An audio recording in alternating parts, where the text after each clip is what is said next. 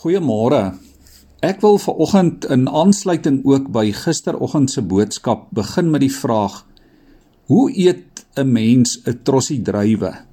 Ek het sommer die naweek aan hierdie beeld gedink. Hoe eet jy 'n trossie druiwe? Die antwoord is natuurlik korreltjie vir korreltjie. Jy kan die hele trossie hanepoot of sultana druiwe gelyktydig in jou mond probeer druk, maar dit gaan 'n bietjie ongemaklik wees. Dit gaan verspot lyk. Jou kinders gaan vir jou lag of jou pa of jou ma gaan met jou raas.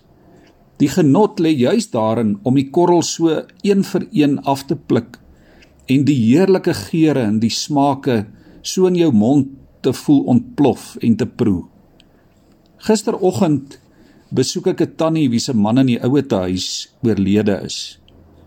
En toe ons haar kinders ontmoet en ons sit so rustig en praat oor die oom. Toe kom dit uit dat hulle amper 60 jaar getroud was. Daar is soveel vrede in die tannie se hart oor 'n goeie en 'n vol en 'n geseënde lewe. En toe ek vra maar tannie, wat was dan julle geheim? Wat staan uit van julle en van die oom se lewe? Toe gee die tannie hierdie antwoord. Sy sê dag vir dag tevrede en gelukkig met dit wat ons elke dag kon hê en kon deel. Korreltjie vir korreltjie.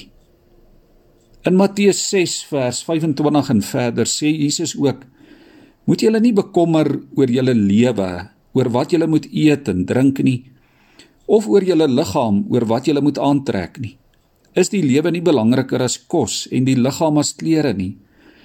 En dan gebruik Jesus die voorbeeld van die voëls en van die veldlelies, die gras van die veld wat deur God gevoed en versorg word en wat genoeg het om te floreer. In vers 34 sê Jesus: Moet julle nie oor môre bekommer nie, want môre bring sy eie bekommernis. Elke dag bring genoeg moeilikheid van sy eie. Liewe vriende, ek wonder of ons, jy en ek in hierdie postmoderne tyd nie dikwels te gefokus is op môre nie. Ons bou skure. Ons werk hard, ons tref voorsorg dat ons kinders môre genoeg sal hê om te eet en te drink en aan te trek. Ons tref voorsorg vir ons ou dag. Ons sloof onsself dikwels af. Die vraag is natuurlik, wanneer is genoeg dan genoeg? Is ons nie soms te gefokus op môre dat ons by vandag verby hardloop nie. So ingestel op die volgende korreltjie, die volgende tros druiwe. So ingestel op hoeveel kratte ek kan bymekaar maak dat ek die genot in die vervulling van hier en van nou van hierdie oomblik van vandag se korreltjie heeltemal mis. En as ek my oë op 'n dag uitvee, dan is die trossie en die boksie druiwe opgeëet en die genot daarvan is dalk verlore. Aan die ander kant kan ons ook so maklik vashak by gister. By al die mislukkings en die foute, die teleurstellings, die ontnigterings van gister. Ek weet van baie mense wat en dit is hartseer, maar nie met gister en met die goeders van die verlede kan vrede maak nie. Dit regeer en beheer letterlik hulle lewe. Hulle kan of hulle wil dit net nie oorwin nie. 'n Heerlike trossie vars druiwe word na hulle toe uitgehou. Maar vir die een of ander rede kies hulle om heeltyd daai ou vrot korreltjies te gaan uitgrawe. Ons moet vrede maak met gister.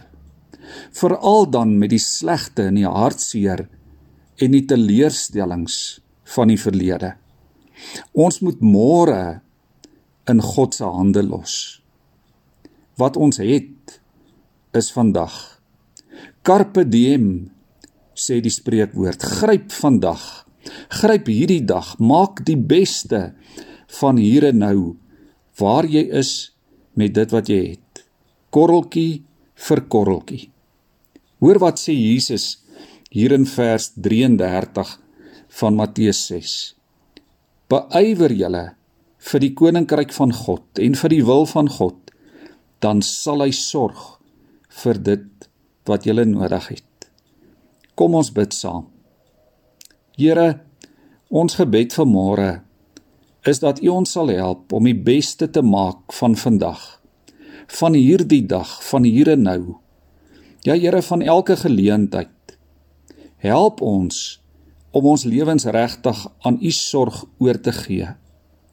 Help ons Here dat U en U koninkryk die fokus van ons lewe sal word. Here, U sorg vir die mossies en vir die diere. U sal sorg vir U kinders. Maak ons los van bekommernis oor môre. Maak van ons U korreltjie mense. Amen.